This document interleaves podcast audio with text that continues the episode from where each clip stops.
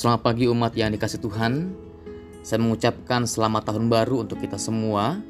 Semoga kasih anugerah Tuhan terus bertambah-tambah dalam kehidupan kita dalam menapaki tahun 2022 ini.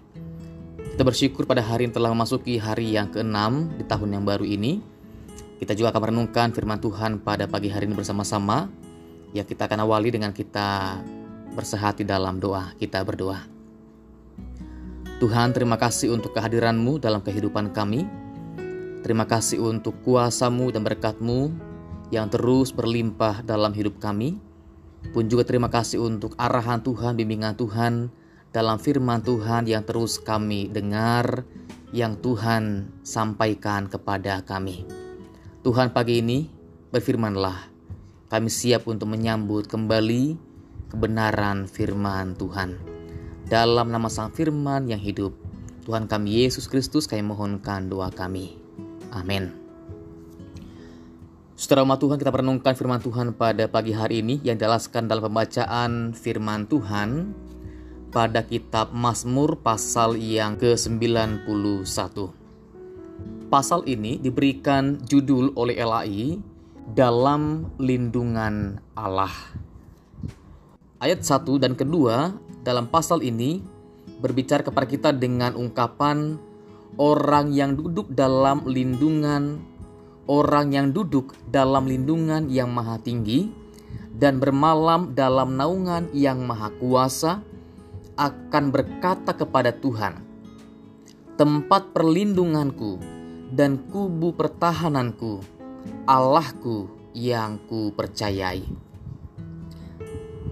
Saudara Tuhan, kata duduk dan bermalam dalam teks ini mengungkapkan niat hati untuk berlama-lama berada di dekat Tuhan. Merasa betah, merasa senang berada di hadirat Tuhan. Hadirat Tuhan merupakan tempat yang paling indah untuk kita nikmati. Duduk dengan tenang dalam lindungan Tuhan Beristirahat dalam naungan Tuhan merupakan gambaran tentang kedamaian yang sejati yang menghantar kita pada keadaan yang aman, kehidupan yang kuat, yang tidak akan tergoyahkan oleh kekuatan apa pun di tengah-tengah dunia ini. Saudara Tuhan, Mazmur 91 ini memberi pesan yang luar biasa kepada kita. Bahwa di tengah dunia yang sulit ini, kita tidak berjalan sendirian. Masalah hidup yang berat kerap membuat kita payah dalam menempuh perjalanan hidup tengah-tengah dunia ini.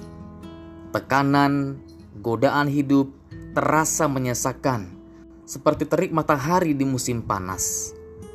Namun Tuhan seolah-olah membisikkan kepada kita kebenaran yang sangat kuat, sebuah ajakan yang sangat kuat, berjalanlah dalam bayanganku, dekat dengan sisiku berada di sampingku.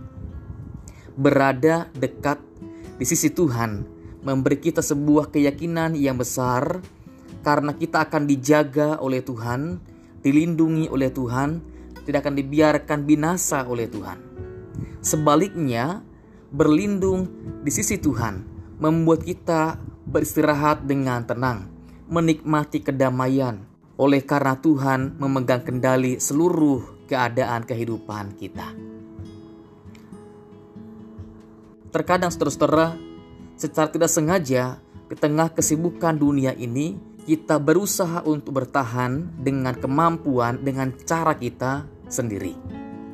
Kita lupa bahwa apa yang paling kita butuhkan sebenarnya ialah perlindungan dari Tuhan dan kenyamanan atau keamanan di hadirat Tuhan.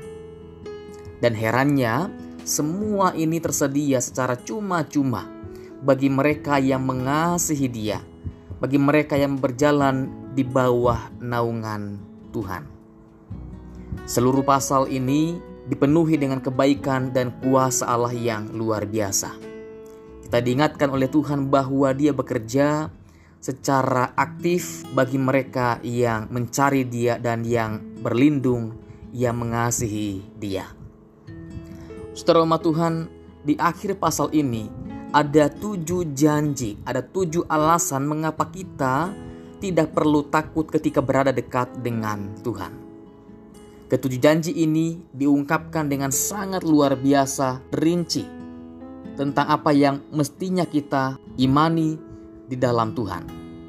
Ketujuh janji ini ialah yang pertama, bahwa Tuhan akan meluputkan kita, meluputkan dari semua bahaya yang membinasakan. Yang kedua, Tuhan akan membentengi kita.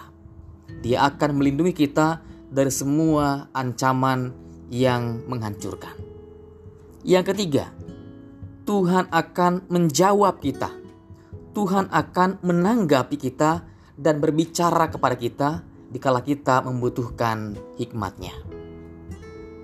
Yang keempat, Tuhan akan menyertai kita di dalam kesesakan.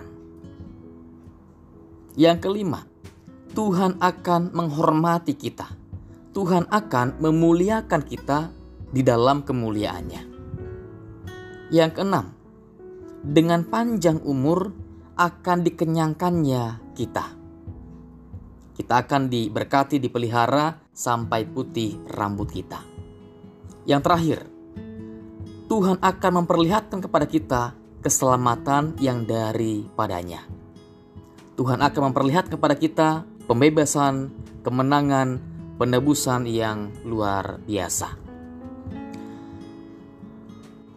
Saudara umat Tuhan, semoga semua janji ini membuat kita semakin bertekad untuk terus makin mendekat dan tinggal betah berada di hadirat Tuhan dekat dengan Tuhan.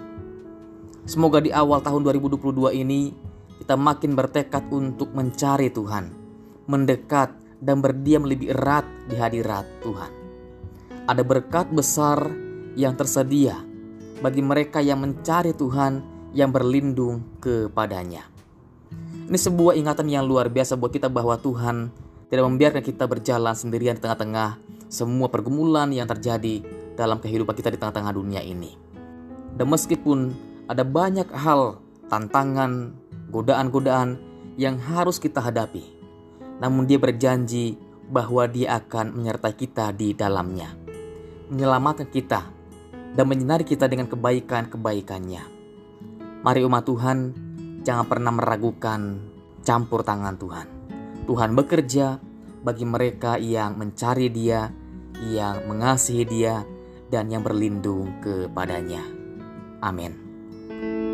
Thank you.